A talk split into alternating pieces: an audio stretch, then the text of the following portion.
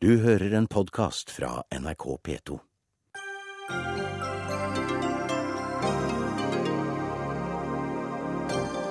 Politidirektøren beklager at Anders Behring Breivik ikke ble tatt tidligere. Mange spørsmål ubesvart, sier talsmann for de etterlatte etter politiets egen rapport. Rapporten peker på 54 forbedringspunkter. Viser at det er behov for mer ressurser til politiet, sier Siv Jensen. Vi kan ikke love mer penger nå, svarer Justisdepartementet. Og hvilket parti har de verste mennene? Svarene får vi av Anniken Huitfeldt og Julie Bråttkorp.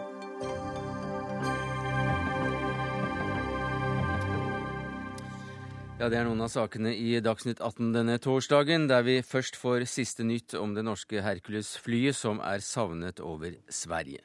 Flyet var på vei fra Evenes til Kiruna da det plutselig forsvant fra radaren i ettermiddag. Det er tre timer siden det sist var radiokontakt med flyet. Kommandørkaptein i Forsvaret Per Rostad, hva, hva mer vet dere nå? Det vi vet er at Flyet tok av fra Evenes klokken 13.40 lokal tid i dag. Skulle som sagt til Kiruna for å hente personell og materiell der. Flykontrollen mistet eh, kontakt med det eh, etter en periode, og at det er fem personer om bord i flyet. Hva slags transport er det snakk om? Det er diverse personell og materiell som skulle fraktes til øvelse Cold Response, som pågår nå i Nord-Norge. Hva gjør dere nå framover? Nå er det satt i gang et eh, omfattende søk med sivile og militære letemannskaper og eh, fly, og dette søket koordineres eh, i Norge av Hovedredningssentralen. Hvordan arbeider dere med svenske myndigheter? Det samarbeidet foregår først og fremst gjennom Hovedredningssentralen. Er det noe nummer dere kan offentliggjøre nå, som folk som er redde for sine egne kan ringe? Forsvaret er nå i ferd med å varsle pårørende til de fem personene som er om bord. Så enn så lenge har vi ikke satt opp en pårørendetelefon, i og med at det er så få mennesker eh, det er snakk om, og at eh, de er i ferd med å bli varslet nå. Takk skal du ha, Per Rostad, kommandørkaptein i Forsvaret.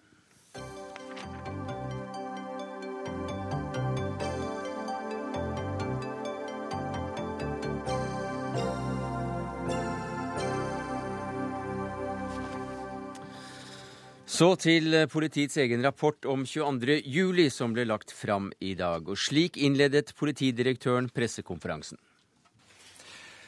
Det er et utvetydig faktum at politiets innsats denne dagen bidro til å redde mange liv.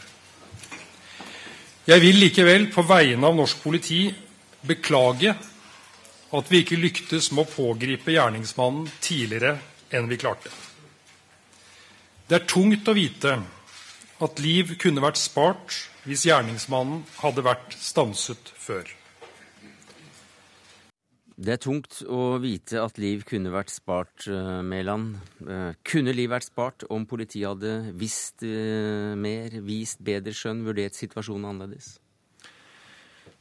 Min vurdering som jeg har gitt uttrykk for i dag, den bygger jo på den evalueringsrapporten som jeg nå har fått. Det er en grundig rapport som man har jobbet med gjennom flere måneder, og hvor man nettopp har prøvd å kartlegge alle elementer i en stor og komplisert hendelse. Ehm, ut fra det innsamlede materialet i den rapporten, så er det ikke sånn at man kan peke på enkeltbeslutninger og enkelthendelser som, hvis de var gjort annerledes, med sikkerhet ville ført til et annet og bedre utfall. Men det er heller Altså, det motsatte er heller ikke uh, umulig. Altså, det, det er absolutt en mulighet for at Eh, andre typer beslutninger eh, kunne ført til et annet utfall. Og, og der, der, er det jo sånn at eh, det er der jeg mener det er viktig å ha den åpenheten og ydmykheten for at vi kunne fått en situasjon hvor det hadde vært mulig å pågripe han før. Det er 54 punkter som dere kaller for forbedringspunkter, Olav Sønderland. Det er du som har ledet direktoratets evalueringsarbeid. Er det da i bånn her meningen at dere skulle uh, fordele ansvar? Nei. Uh, vårt oppdrag var ikke verken å søke etter ansvarlige eller peke på noen spesielle. Vi er bedt om å se på hva som skal kunne gjøres for å forbedre politiets innsatsevne på beredskapsområdet og til å håndtere alvorlige og komplekse situasjoner. Og Det har vært vårt utgangspunkt. altså Se på hva som er lagt til rette for, og hvilke grunnlag hadde politiet for å kunne reagere mm. også på en slik situasjon. Dere fant også 54 punkter eh, med et forbedringspotensial. Hvilke av disse punktene vil du trekke fram som de mest alvorlige og kritiske? Det som har vært oppe i media, er jo særlig dette med alarmmeldinger. Riksalarm og andre meldinger som går på å kunne varsle politiet som etat om alvorlige hendelser som de må vite om utover det enkelte distrikt. Det går på kompetanse til å håndtere bl.a. pårørendetelefon, nødtelefoner som kommer inn, kapasiteten til å håndtere disse. Det ble overflod av meldinger inn i forhold til hva man klarte å håndtere, både i Oslo, som er det største politidistriktet, og de mindre distriktene, og også på de andre nødsentralene. Dette må utvides og forbedres, og det er tatt skritt til å gjøre. Det går på dette med politiets som heter IKT-kompleks, som allerede tidligere er meldt må forbedres for å bli funksjonelt i forhold til det behovet som er. Og det gjelder også på beredskapsområdene. Men eh, du snakker altså om dere, dere skriver om kompetanse. Eh, eh, flere ganger så, så, peker dere på at kompetansen bør heves. Og så snakker dere også en god del om svikt i kommunikasjon. Internt i politiet, mellom politi og nødetater, mellom politi og helsevesen, mellom politi og pårørende, medier og det norske folk.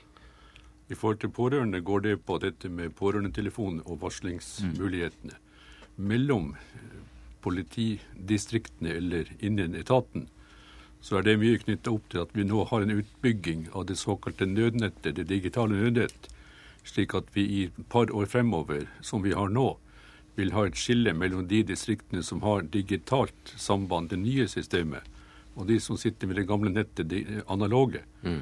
som vi hadde her, og som skapte utfordringer. Det betyr at vi må ta erfaringene fra det som skjedde nå, og prøve å hindre i den videre utbygging at man kan få situasjoner hvor distrikter som skal samarbeide, også i en mm. krisesituasjon, får problemer. Dere nevner også riksalarm. Eh, peker dere på hvorfor riksalarmen ikke ble utløst? Det ble utløst, men den virka ikke. Det var det som var problemet. Det er et system for såkalt riksalarm, men det fungerte ikke. Hvorfor ikke? Det har mange årsaker. Vi har pekt på noen. Vi har sagt at hele systemet må byttes ut. Politimester i Oslo, Anstein Gjengedal. En av de eh, kritiske punktene som kom fram i dag, er at dere allerede klokka 15.34 den 22. juli, altså ni minutter etter at bomben sprang ved Høyblokka, fikk melding om at det var observert en mistenkelig person iført politiuniform. Og dere fikk også registreringsnummeret på bilen eh, av et vitne. Det spørsmålet dere da fikk på pressekonferansen i dag, det var jo da hvorfor etterlyste dere ikke den bilen? Ja, Den meldingen som du siterer, den kom inn til sentralbordet fordi at alle operatørene, fire stykker på operasjonssentralen, også operasjonsleder, var opptatt med eh, Det var utallige anrop. Den meldingen eh, som sentralbordet mottok, ble nedskrevet og videreformidlet til operatøren, som da ringte til eh, vitnet opp igjen og fikk verifisert og fikk også flere opplysninger. Den samtalen varte fra 15.55 til 16.01. Da ble også Kripos de hadde også ringt oss, da ble dette med riksalarm. Da ble Kripos bedt om å sette i verk riksalarm. Vi varslet nabodistriktene direkte per telefon. Eh, så kan man stille seg spørsmål burde vi gått ut med disse opplysningene tidligere. Det var en vurdering som ble gjort eh, der og da. Hadde... Ja, Hva innebærer det der og da?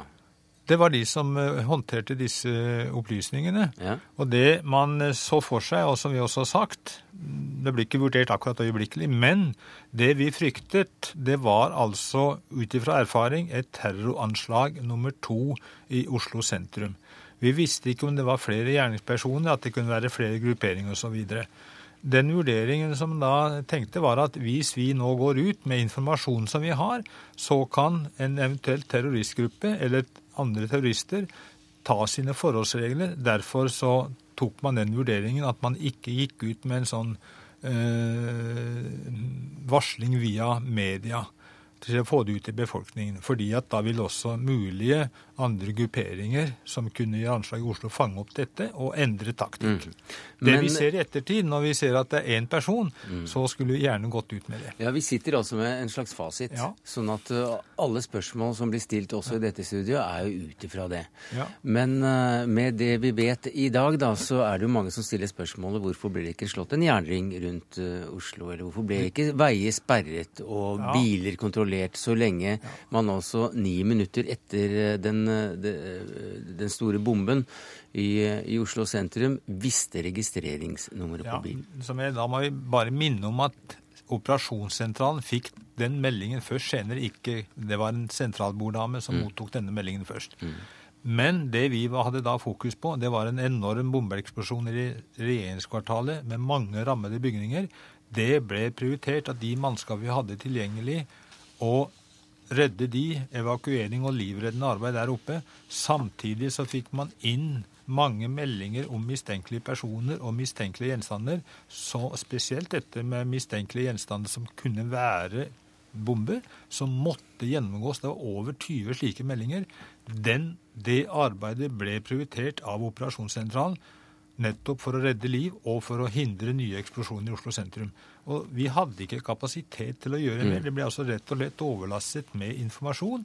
Og som det også var vist på pressekonferansene, så var det et enormt press på operasjonssentralen i Oslo uh, på den tida. Og det tar jeg ansvaret for. at uh, vi var altså ikke dimensjonert for å håndtere alle disse meldingene som kom inn på sambandet mm. der og da. Og det er veldig kort tid på å skal vi si, foreta solide vurderinger som vi kan nå sitte og gjøre i etterkant. Politimester i Nordre Buskerud, Sissel Hammer. Dere var, om Oslo da ikke var dimensjonert, så var i hvert fall ikke dere dimensjonert for eh, noe slikt. For dere er et av de mindre politikamrene eller eh, områdene i i Norge. Men det spørsmålet som dere sitter igjen med og, og, og stadig får, og kommer til å få mange mange ganger til, det er spørsmål rundt frakten av personell ut til uh, Utøya. Uh, hvorfor tok dere uh, ikke bare for dere de tilgjengelige båtene? Vi fikk det spørsmålet tidligere, men nesten svare oss også. Det var ikke tilgjengelige båter. Det var eh, den første patruljen som kom til stedet. Der var det ikke båter. Eh, og på det tidspunktet hvor det kom båter, så hadde de fått en ordre om å sende de videre til, til Storøya, hvor beredskapsskaperen skulle møte.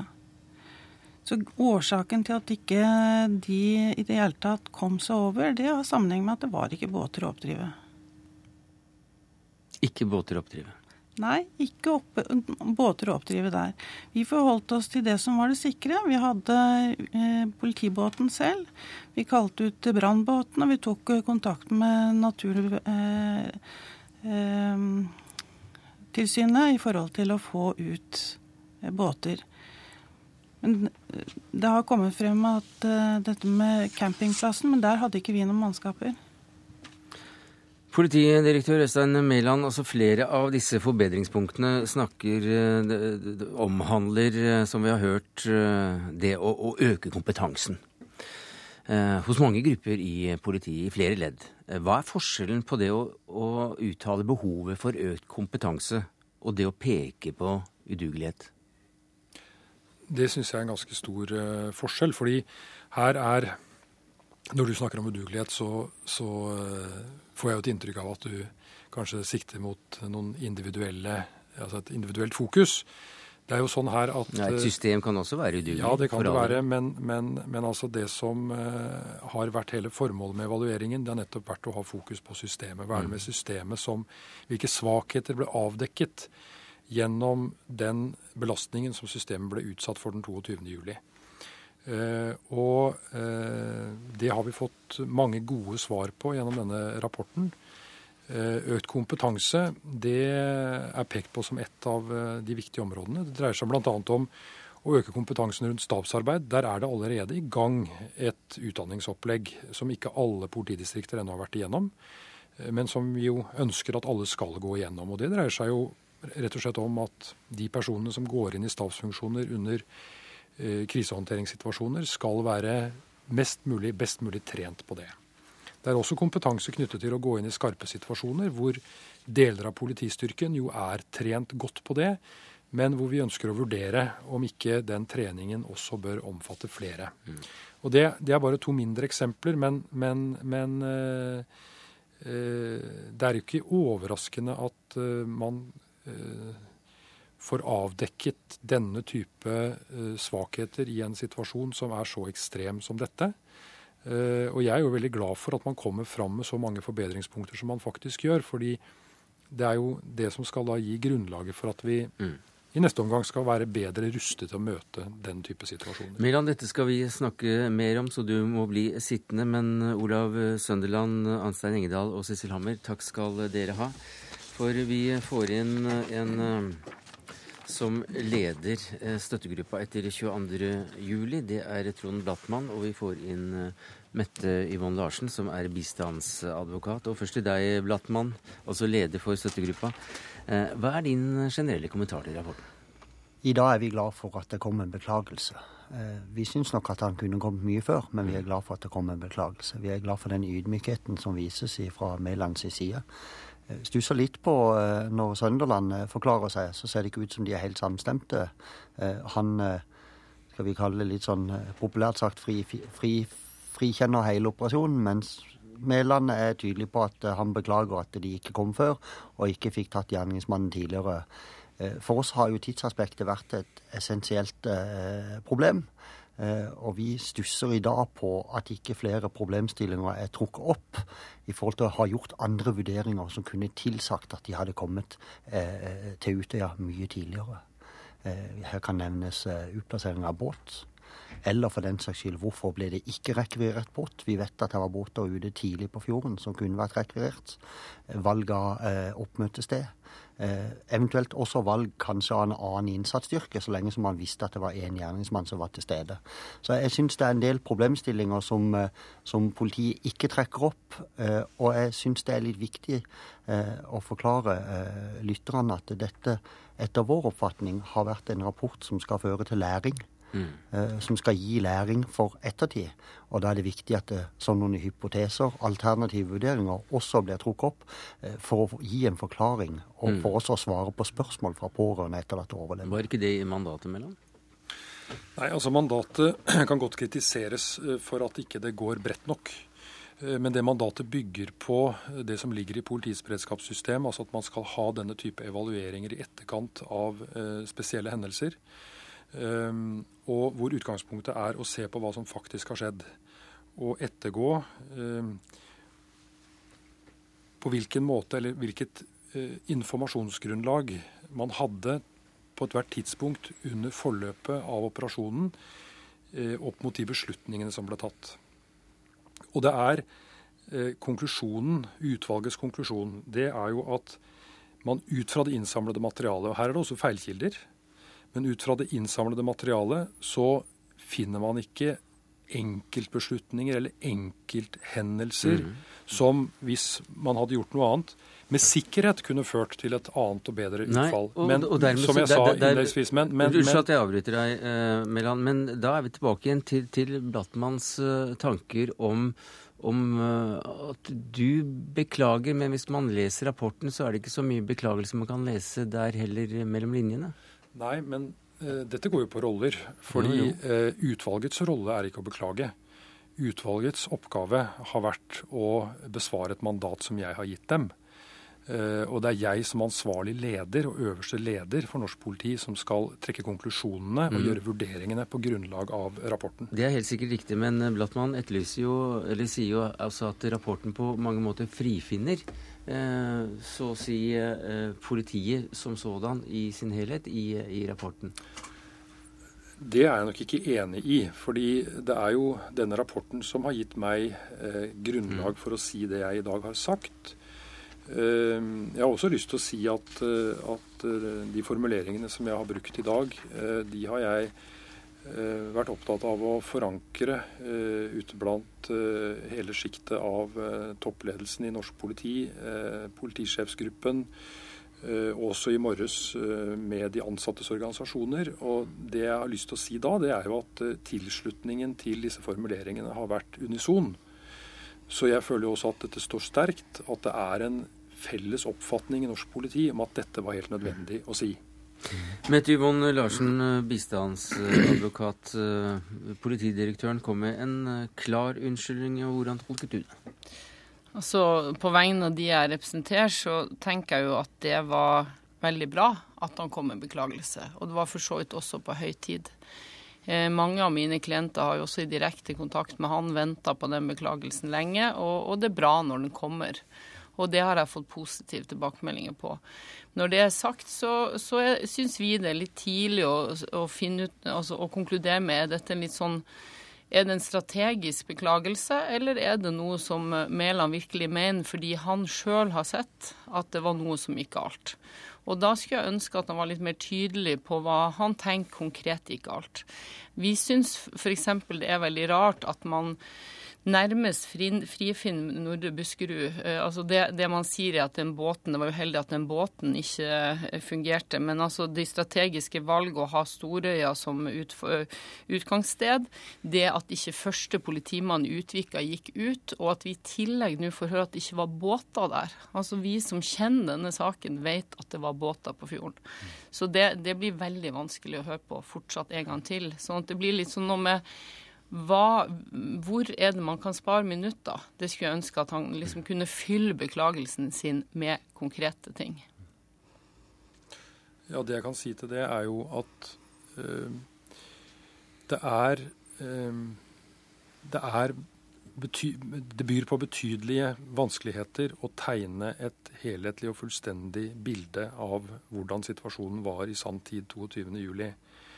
Og nettopp i dette at selv om det er vanskelig da ut fra, altså at utvalget syns det er vanskelig ut fra innsamlet materiale å peke på enkeltbeslutninger og enkelthendelser, så er det jo også sånn at man kan ikke utelukke at andre valg kunne gitt et bedre resultat. Og, det er, og hvilke andre valg? For jo, dette har vi hørt nå, så vi må få vite hvilke andre valg. Hva er det man tenker at var det dummeste man gjorde den 22. juli ute i Utvika eller på Utøya? Jo, men er, der er vi igjen tilbake til det som har vært utvalgets mandat. Og det jeg har gjort i dag, eh, det er å bruke den utvalgsrapporten til nettopp å fokusere på den usikkerheten. Eh, og ha ydmykhet for at det er de andre, eventuelt andre måten å gjøre ting på som kunne gitt et annet utfall. Mm. Og så har jeg også i dag sagt at det er det som i dag er lagt fram, er per i dag det beste faktagrunnlaget jeg kan forholde meg til. Men selvsagt også ta et forbehold om at 22. juli-kommisjonen, som har et annet mandat, annen, annen oppgave, vil kunne framkomme både med nye fakta og andre vurderinger knyttet til politiets innsats denne dagen. Mm. Men hvis din beklagelse Mæland skal bære oss videre, og det er helt nødvendig, og da snakker jeg om de vi representerer, og de som også Trond Blattmann representerer, hvis den skal bære oss videre i en sånn tillitsbyggende eh, situasjon, så må vi vite mer om hva den faktisk rommer, den beklagelsen din. For først da kan vi virkelig tro på at man så at noe gikk galt den dagen, og at 79 eller 77 minutter for å pågripe en drapsmann, at det er for lenge. Og det som mine klienter i dag også bekymrer seg for, er jo hva ville skjedd hvis dette her var et helt annet sted i landet, eller hva er på en måte Altså, eh, dette var, eh, det, som du sjøl sa, Oslos, eller var Norges største kommune og Norges minste. men, men men når det går såpass galt her, så er det sånn hva, hva, med et annet sted i landet? Det er jo noe man lurer på. Hvor mye skal vi lære av det? Eh, det er bekymringa fortsatt. Ja, og det er Jeg deler mange av de bekymringene knyttet til uh, uh, hvis dette hadde skjedd et annet sted. Altså, Jeg sa jo i dag at vi skal bruke denne hendelsen naturligvis til å, til å lære mest mulig og bli best mulig i stand til å håndtere fremtidige eh, krisesituasjoner og hendelser. Samtidig så kan vi ikke bruke 22.07 som et mål på hvilket nivå vi skal ha en beredskap alle steder i landet. Det, det tror jeg alle innser at det, er, det, det, lar seg rett og slett ikke gjøre. Eh, slik at den, den usikkerheten eller det ubehaget som er knyttet til det, det, det må vi som, som, land på en eller annen måte uh, håndtere, og det er ubehagelig. Blattmann, um, de uh, du representerer, uh, etterlatte, pårørende og overlevende.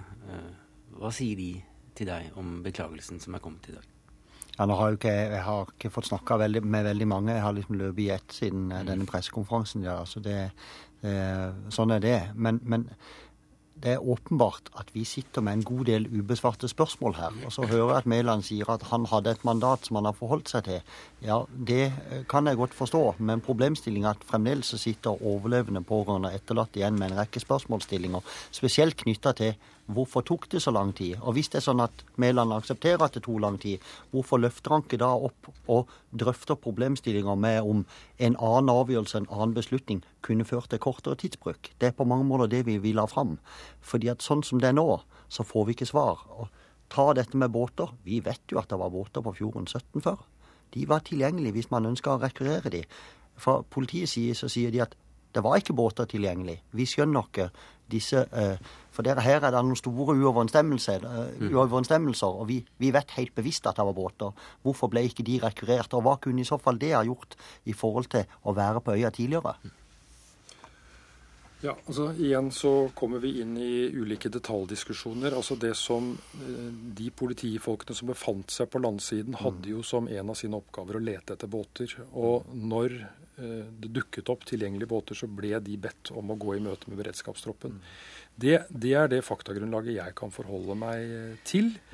Um, Men og, detaljer. Jeg, jeg, beklager at jeg bryter inn. Det er jo detaljene vi nå har venta på svar på i syv måneder. Det er jo de, det, det, det er ikke hvilke som helst detalj. Det er de ekstremt viktige spørsmål på hvorfor disse ungdommene ikke var redda før. Det er nettopp båt, og det er nettopp hvorfor går man ikke ut, og det er nettopp hvorfor man sender eh, Delta-styrken fra Storøya. De tingene der må vi vite. Og når ikke Sønderland kan fortelle oss hvorfor dette var beslutninga, og hvorfor dette var riktig og ikke feil, så lurer vi fortsatt. Ja, så detaljene er faktisk veldig viktige. Det er jeg enig med deg i, men jeg anbefaler at du før du konkluderer endelig på dette, faktisk leser de rapportene som i dag er framlagt.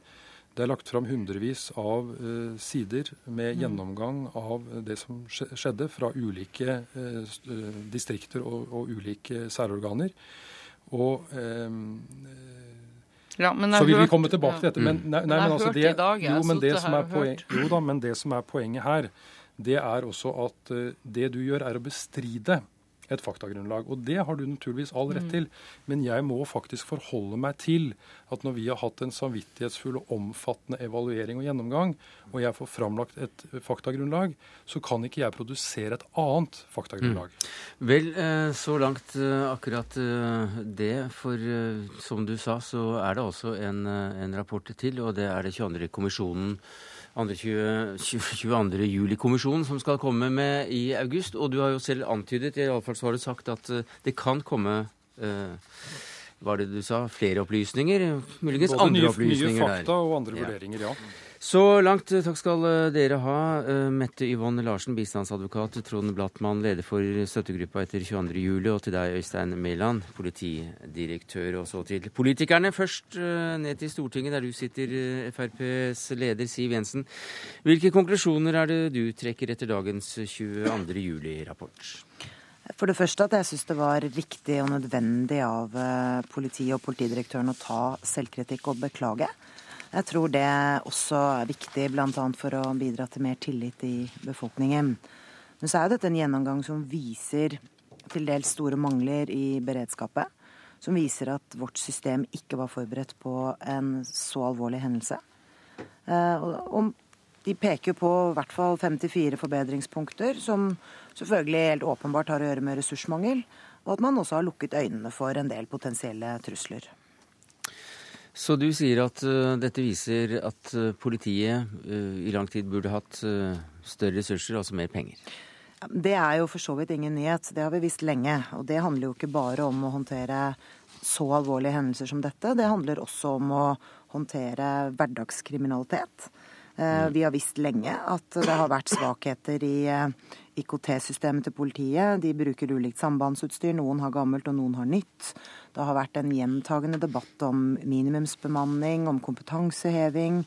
Eh, om hvordan vi skal utvikle politidistriktene, eh, varslingssystemer. Mm. Men nå er det uansett sånn at denne delrapporten vil jo være en del av arbeidet på veien mot konklusjonene som 22. juli-kommisjonen kommer med, som også vil være grunnlaget for endelige konklusjoner. Men jeg har lyst til å understreke at noen av de konklusjonene som vi nå er godt kjent med, trenger ikke regjeringen å sitte og vente på å gjøre noe med.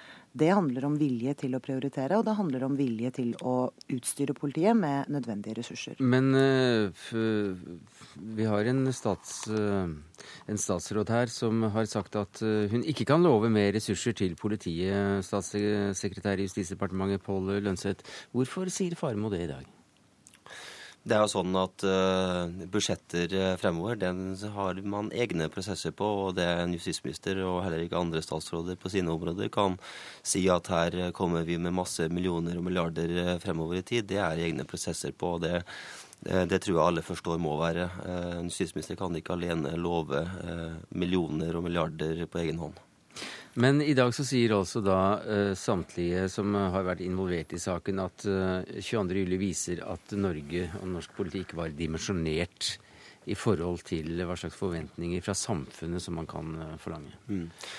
Ja, og det skal vi selvfølgelig ta alvorlig, og det skal vi gå inn i. Og det går vi inn i, det har vi gått inn i etter 22.07. Men jeg har lyst til å minne om, som Siv Jensen også vet, at denne regjeringen har altså styrket norsk politi med, med 56% i budsjettøkninger fra 2005 til 2012. Eh, og vi kan ikke bare se på eh, pengene. Vi skal se på det også. Og jeg eh, kan ikke utelukke, selvfølgelig, tvert imot, at vi kommer til å putte enda mer kroner og penger inn i norsk politi. Vi er nødt til å se på hvordan pengene brukes, hvordan norsk politi styres, hvordan norsk politi er organisert. Men... Uh, og det er, eh, det er, prosesser som vi har igangsatt, og som vi uh, er nødt til å selvfølgelig uh, gjøre grundig, og som vi selvfølgelig skal komme til Stortinget med. Jensen. Ja, men det er jo ikke noe nytt at politiets budsjett øker fra år til år. Det har skjedd under alle regjeringer og alle statsråder. Det er jo ikke det denne debatten handler om.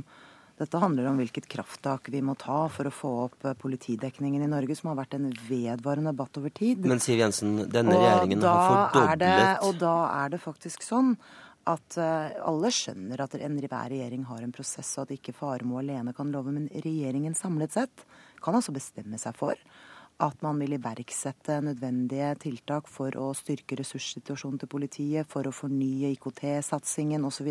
Det kan man også beslutte, og man kan bevilge de pengene uavhengig av jo, men, neste års statsbudsjett. Men, men Jensen, dette er jo ting som vi har igangsatt, og som vi har styrket hvert eneste år de siste årene.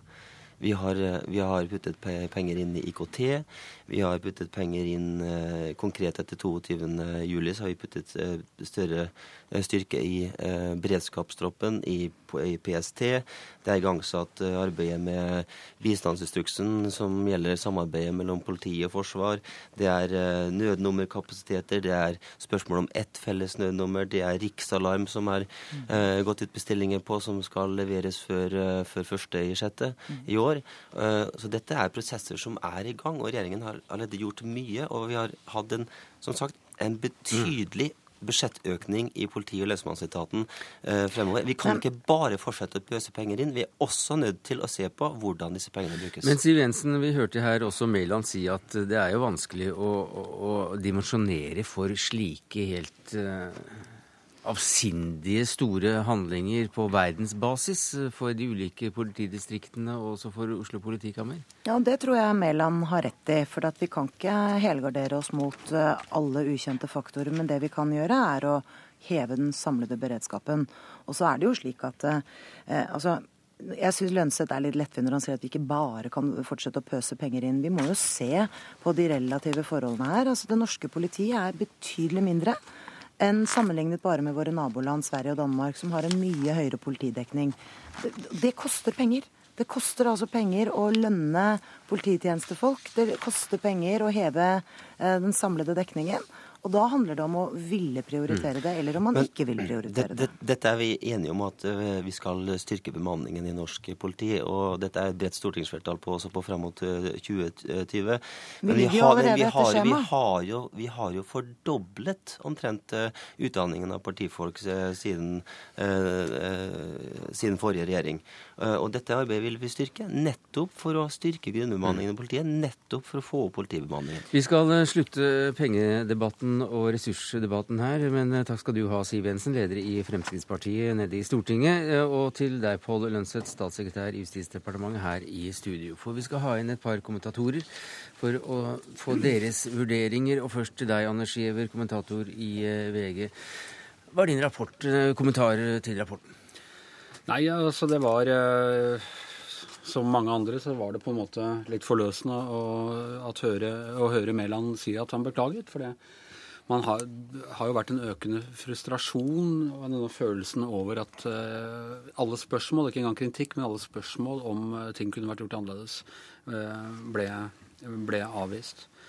Etter det så er det jo fortsatt ting som er som skurrer, og som ikke besvares ordentlig. Dette påstanden om at man ikke kunne få tak i biler, nei, båter fra Utvika, eh, som Blattmann også var inne på her i stad, det syns jeg fortsatt er en gåte, en ubesvart eh, eh, del av hvorfor det gikk som det gikk den dagen. Vi kan ikke gjøre om på det som skjedde, men, men kreve fyldigere svar på, på hvorfor, de, hvorfor, de, forskjellige tingene gikk som de gikk. Tarald Stanger, politisk redaktør i Aftenposten. Vi fikk altså en beklagelse i dag? Ja, og det tror jeg var viktig eh, politimessig symbolhandling. Og det er viktig å ha en politidirektør som er i stand til å uttale ordet 'beklage'. Eh, på en troverdig måte. Jeg tror det var viktig overfor svært mange av de etterlatte, de pårørende, eh, og de som har eh, hatt følelsen av at en har sittet mange måneder med ubesvarte spørsmål. Men hva med innholdet i beklagelsen, da, som ja, altså, inne på? Ja, Du kan si at det er en missing link her, fordi at Øystein Mæland er veldig klar på at han beklager. Han bruker uttrykket ydmykhet, og han snakker om at det er vondt å vite at en ved å gjøre dette komme til Utøya snarere, så kunne en spart liv. På den annen side, når det kommer til det konkrete, hva han egentlig beklager, så er det vanskeligere å finne noe konkret. Fordi at sjøl de tingene som Anders Giæver nevnte, som Trond Blattmann nevnte tidligere i dag, som eh, Mette Yvonne Larsen var innom tidligere i sendinga, da viker en unna fordi at en ikke vil plassere et uh, unnlatelsesansvar, et uh, feilvurderingsansvar, på noen mm. konkret post.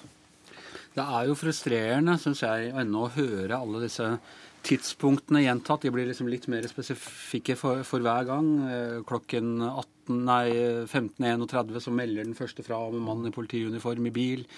Registreringsnummeret kommer inn 15.35. Altså, Han passerer Lysaker noen minutter over fire. Eh, Sandvika. Vi vet, De har fargen på bilen, de har registreringsnummeret. Det går ikke riksalarm. Det skjer ikke, og vi ser hvordan denne eh, veien mot den totale tragedien utspiller seg igjen og igjen. Og det er klart at eh, et klare svar på hvorfor skjedde det ikke, hvorfor ble det ikke slått riksalarm, hvorfor sperret mm. man ikke Eh, veiene ut av mm. Oslo. Det er, det er av, av, de tingene man Det er på en måte noe hjelpeløst midt i all handlekraften. Og det er jo ikke tvil om at det ble utøvd svært mye godt politiarbeid i de hektiske timene denne svarte julifredagen. Men samtidig så er det på en del sentrale punkter der det svikter. Noe har med systemet å gjøre. Andre ting har med rett og slett feilvurderinger å gjøre, mm. i alle høve når vi nå kan se det i bakspeilet. Ja, for du, På pressekonferansen stilte du Stanghelle, spørsmål til eh, politimesteren i Oslo, Gjengedalen, nettopp om, eh, om, dette med bilen, når de først visste registreringsnummeret, og antagelig også identiteten til, til sjåføren, hvorfor ikke det, det, skjedde noe mer. Og Han gjentok jo for så vidt det svaret han ga deg i Dagsnytt 18 i dag, nemlig at en vurdering ble tatt der og da. Mm. Ja da, eh, han var mer utdypende i Dagsnytt 18 debatten eh, her hos deg for noen minutter siden. For da sa han at de var redd for å røpe hvor mye de visste mm. overfor mulige eh, andre terrorgrupper som var på vei på sitt, eh, mot sitt mål. Det er et resonnement som er råd til å skjønne. Samtidig så veit vi i dag at det var en stor tabbe å ikke bruke media, som var vidåpne for politiet disse ettermiddagstimene, til å advare mot en mann i falsk politiuniform i en sånn og sånn bil. Det ville kunne ført til at noen var på alerten at noen hadde oppdaga at han var på vei til Utøya. Vi veit det ikke, men eh, det er lov til å antyde at det kunne, eh, det kunne skjedd. Og la meg legge til, dette er jo ikke noe uvanlig at politiet gjør. Altså Et middels bankran, så er en jo ute med en gang og etterlyser bil sånn og sånn. Det er relativt vanlig at en også bruker media til å advare mot forelegge fanger på rømmen, f.eks. Dette var en tabbe, og i dag vet vi at de kunne gått ut med dette eh, til oss alle én time før eh, ugjerningsmannen gikk i land på Utøya. Mm. Og det er for meg et svimlende perspektiv. Men eh, Anders Giæver, det er slik at heller ikke denne rapporten skal plassere ansvar? Nei, og det, det er jo da Mæland veldig tydelig på. Denne skal bare mm. påpeke fakta, så, så er det opp til han og, og myndigheter oppover. og å beklage. Og det er nå greit nok, men den skal, eh, den skal, gi noen svar. Eh, og jeg har liksom ikke fått tak i de svarene på akkurat hvorfor. Hvorfor ikke riksalarmen? Var det altså det kunne slått begge veier, men var det en bevisst uh, avgjørelse om å ikke gjøre det? Hvorfor uh, mente man at man ikke kunne få tak i uh, båter fra Utvika? Hvorfor tok man denne avgjørelsen om, om å dra helt opp til Storøya? Eh, dette syns jeg henger i luften. Og Men ville ikke alle de hvorfor-spørsmål til Giæver her da uh, vært med på å peke ut eventuelt, om ikke syndebukkes, i hvert fall hvor ansvaret ligger? Og det var ikke rapportens mandat? Jo, den ville nok det. Uh, jeg er langt på vei enig i det Anders Giæver eh, sier om manglene, men jeg har lyst til å legge til at den gir en del svar. Eh, rapporten er grundig på en del punkter. Du får gjennomgått systemene veldig grundig, og du får målt systemene opp imot hvordan systemene har vært brukt den 22. juli.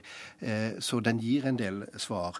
Eh, jeg har stor sans for eh, de som sier at en ikke skal lete etter syndebukker, men du kommer aldri bort ifra at systemer blir forvalta av mennesker, med alle våre feil og mangler og sterke og svake sider. Og Derfor så syns jeg at det er blitt en sånn eh, mantra at en ikke skal finne syndebukker, som nesten kan virke som at da er det litt utidig å stille mm. Spørsmål ved de vanskelige tingene. Men systemet er bemannet av mennesker, er forvalta av mennesker med ansvar, og det er det vår jobb, og, og, og, og ikke bare media, men samfunnets jobb å, å finne ut av. Ja, nei, amen til det. Altså accountability, som de sier på, mm. på amerikansk, mm. er eh, demokratiet og, og, eh, åpne demokratiske samfunn helt avhengig av. At du ser hvor hvordan systemene uh, sluses inn oppover, og hvor de forskjellige ansvarene plasseres, så er det i denne saken og med uh, politiet så er det øverst sett et politisk ansvar mm. når, uh, når, alt kommer til. Vi har altså fått en, en, en komité fra Stortinget som har kommet med, med sin rapport. 22. juli-komiteen har vi fått politiets egen, egen rapport. Vi venter på en PST-rapport rapport, og så kommer da kommisjonen, selveste regjeringskommisjonen. Og, og den blir vel annerledes? Ja, den framstår nå som viktigere og viktigere jo For mer alle, alle ser fram mot den, også de som nå legger fram delrapporter eller sine rapporter? Ja, og jeg lurer på hva de tenker i 22. juli-kommisjonen om det forventningspresset som bygger seg ut eh, og bygger seg opp. Fordi at eh, det er på en måte blitt nå et forventningspress om at det er alle kommisjoners mor. At det er på en mm. måte den som skal rydde opp for oss. Jeg er ikke sikker på om det er gitt noen å rydde opp i alle ubesvarte spørsmål. Jeg tror vi må leve med noen av de, men jeg håper at de blir færre og færre. Dagen i dag har i hvert fall vært viktig. og politidirektør Mælands årsaking var et viktig steg på, på, på, på, den veien som det norske samfunnet går etter 22.07. Takk skal eh, dere ha for å sette punktum for denne saken. Anders Giæver, kommentator i Verdens Gang, og Harald Stanghelle, politisk redaktør i Aftenposten. Dagsnytt 18 alle hverdager klokka 18.03 på NRK P2.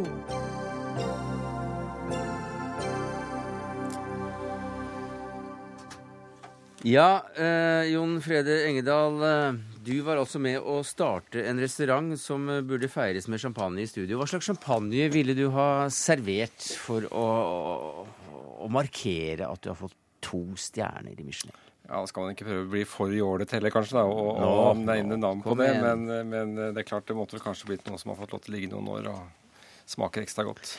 Hva i all verden er det som har skjedd? Altså, Vi har en norsk restaurant som ble startet for ikke så lenge siden, og så fyker den inn i uh, verdens mest prestisjetunge uh, vurderingsguide, nemlig Michelin, og får to stjerner med en gang. Ja.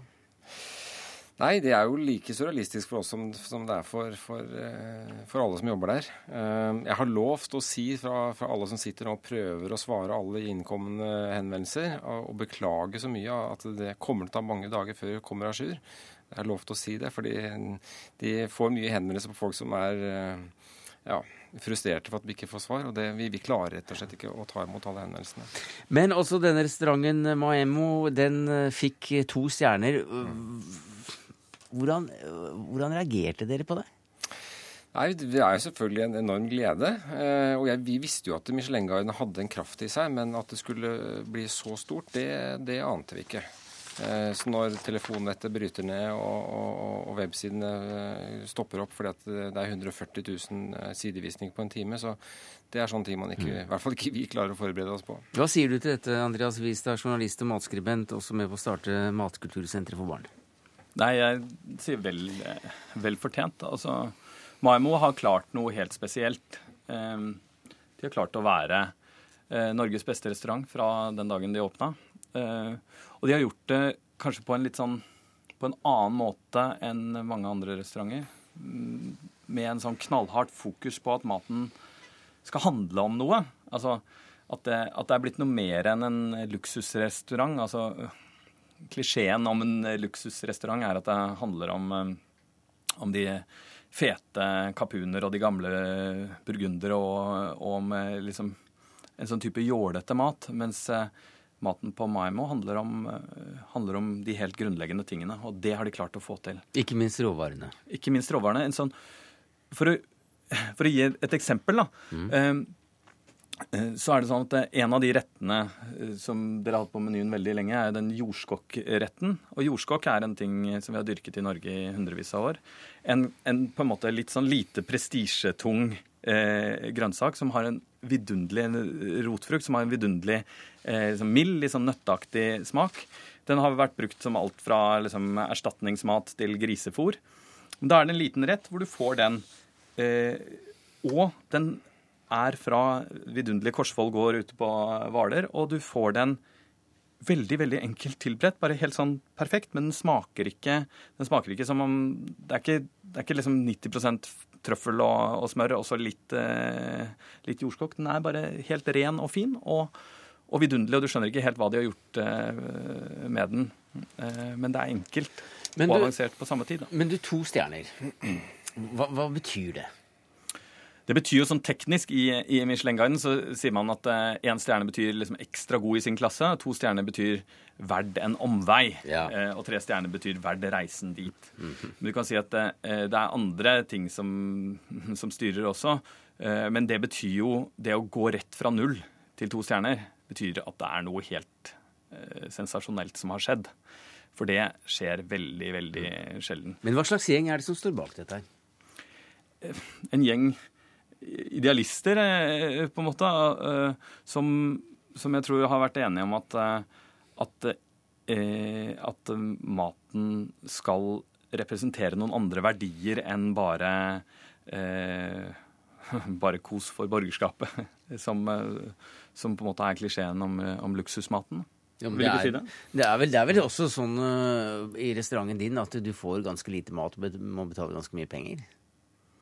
Ja, Vi syns jo det, det er en, en, billig penge, eh, hvis du ser arbeidet som ligger bak. Mm. Eh, fordi at, som du sier, det å, å få den jordskokken fra Hvaler og inn til Oslo og tilby den på perfekt måte, eh, ta tre dager og finne den beste mat- og vinkombinasjonen til den jordskokken. Du betaler for tiden vi bruker, og ikke nødvendigvis for jordskokken og råvarene. Hva slags publikum er det dere har? Ja, vi har sett, og det syns vi er veldig hyggelig, at vi har litt annet klientell enn de klassisk kalde franske gourmetrestaurantene. Så ser vi at vi allerede fra dag én hadde studenter som har spart penger og fulgt oss på, på nettet et halvt år i forkant for å komme og spise. Eh, vi ligger på østkanten, eh, noe som eh, noen mente var en kriminell dårlig beliggenhet. Gamlebyen? Som vi mener er en, en ny del av Oslo som, som, var en riktig beliggenhet for oss. Så vi ser at vi har et veldig sammensatt gruppe mennesker. Vi har selvfølgelig kall det steinermiljøet og de som er opptatt av økologi, sånn som vi er, og, og det biodynamiske. Og så har vi de som er ute og representerer, og store firmaer. Mm, nei, for dere framstår også som en økologisk restaurant? Ja. Råvarene er minimum økologiske, helst biodynamiske. Men ikke eh, vinene? Jo, alle vinene er minimum økologiske. 30 er binomisk produsert. Det, med unntak av vinene så har råvarene stort sett ikke reist mer enn ti mil.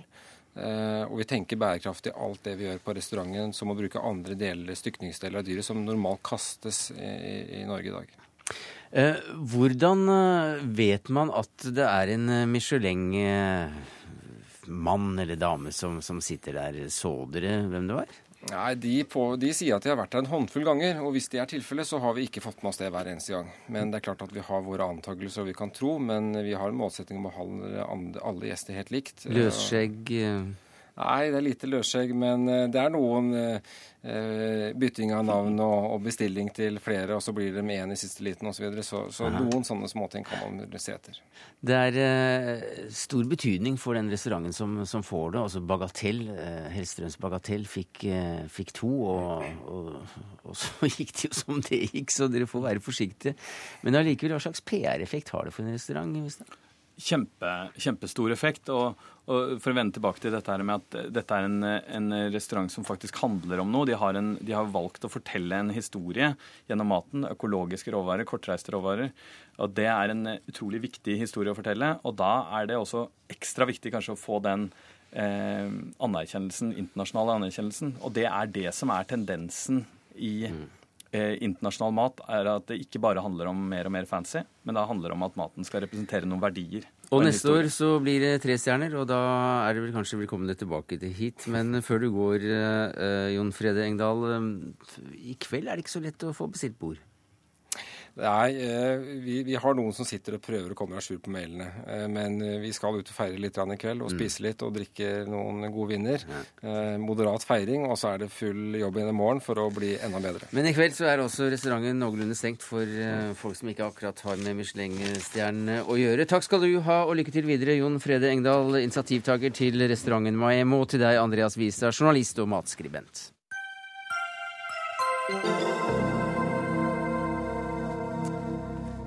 Nå skal vi se nærmere på hvordan eh, menn prøver å finte ut kvinner i politikken, eller iallfall se på noen hersketeknikker. For i boka 'Bare en kvinne', så, med spørsmålstegn eh, etter, så skriver eh, du om likestillingspolitikk, om blå feminisme og om ditt møte med Trond Giske, Julie Bråttkorp. Og du får nesten fortelle om det møtet, selv om vi har kunnet lese det i et par aviser. Hva er det som skjedde under denne skoledebatten foran lokalvalget i 1991? Ja, først må jeg si at Det står ganske mye mer der enn historien om Trond Giske. Men jo, jo. At Den, altså for meg så ble det på en måte starten med det å møte hersketeknikker. Jeg satt på min aller første skoledebatt eh, og var veldig veldig nervøs. Og så hadde AUF hatt en eh, valgkampanje eh, om å få folk til å bruke stemmeretten sin. Eh, og der var det på brosjyren et bilde av et eh, par som lå elsket, og så sto det utenpå 'Har du ikke gjort det før, så sørg, sørg for å gjøre det før 12.9.' Og så var det en kondom inni. Og som da en litt konservativ unge høyrejente den gang, eh, så reiste jeg meg opp litt nervøst, og så sa jeg at jeg har et spørsmål til representanten fra AUF.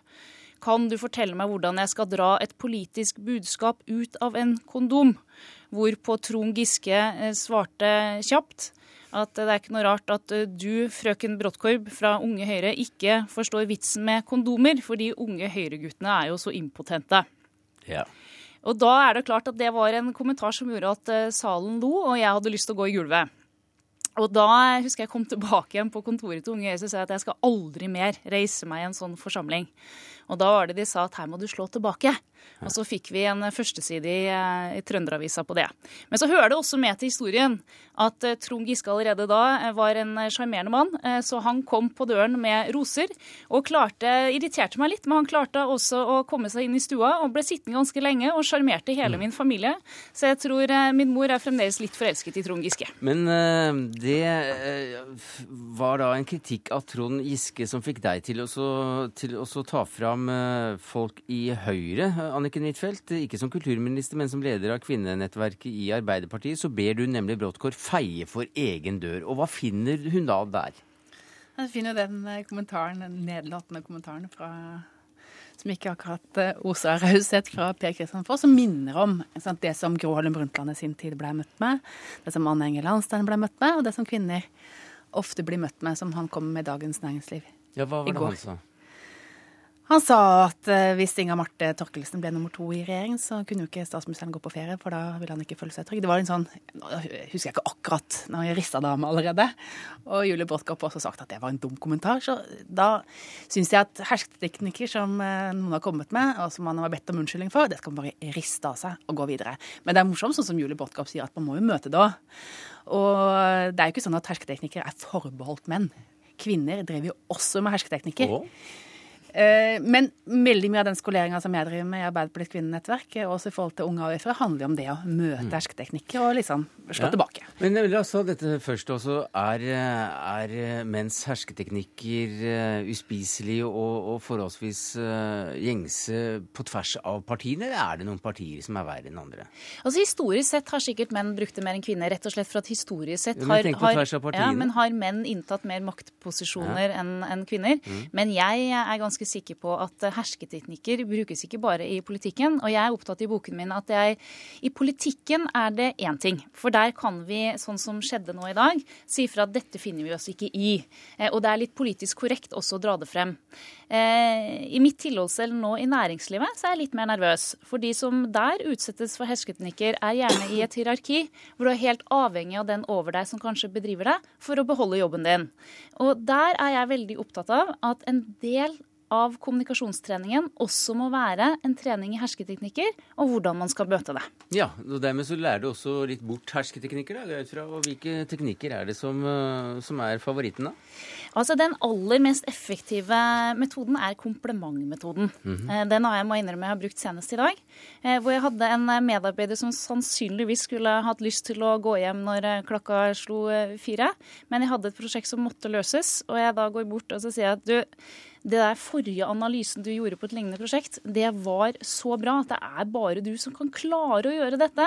Og når jeg da etterpå spør om man kan bli sittende, så er det en form for uh, hersketeknikk. Jeg skjønte ikke at det var hersketeknikk i det hele tatt, ja, men uh, det skjønte kanskje du, Annike? Jeg vil gi for mye komplimenter. Men altså, det som er de tradisjonelle hersketeknikkene, da, det er jo å for folk til å føle seg mindre. At man kan gå ut av en situasjon, og så føler man seg dum. Og så er det den andre som har klart å enten usynliggjøre deg, eller latterliggjøre deg, eller være nedlatende mot deg.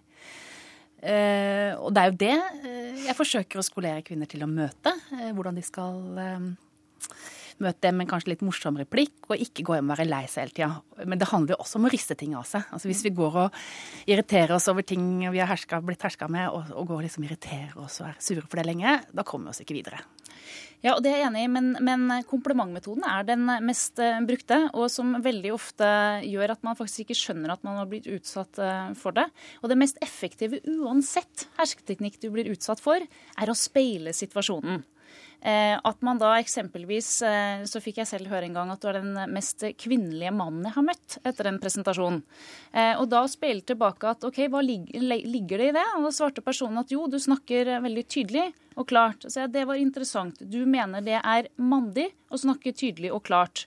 Og veldig ofte hvis man da speiler situasjonen tilbake, så skjønner personen at dette falt kanskje litt dumt ut. Det er jo synd å si det, men det blir jo ikke den store debatten av, eh, av dette her, Huitfeldt. Eh, jeg som hadde tenkt å si at dere er så søte når dere er sinte. Men det er jo det som skiller Høyre og Arbeiderpartiet i kvinnepolitikken. Er at Høyre er veldig opptatt av strukturer, og det er vel og bra. Men det er nå de politiske forskjellene ja. som har gjort Norge til eh, verdens mest mm. land. Og i de kampene så har Høyre stort sett vært en brems. Og jeg er du... helt sikker på at hvis du leser programleder den boken, så vil du finne en haug av tema som vi kunne mm. få heftige debatter om i ditt studio. Det kan vi ta senere. Den heter, har en undertittel 'Blå feminisme, hersketeknikker og likeverdige liv'. Bare en kvinnespørsmålstegn. Julie M. Bråttkorp. Takk skal uh, dere ha for at dere kom til Dagsnytt 18 i dag. Anniken Huitfeldt, kulturminister og leder av Aps kvinnenettverk. Og Tilla Bråttkorp, leder i Høyres kvinneforum og nå forfatter. Det var det vi rakk i dag, takket være Dag Dørum, Hanne Lunås, jeg heter Sverre Tom Radøy. Du har hørt en podkast fra NRK P2.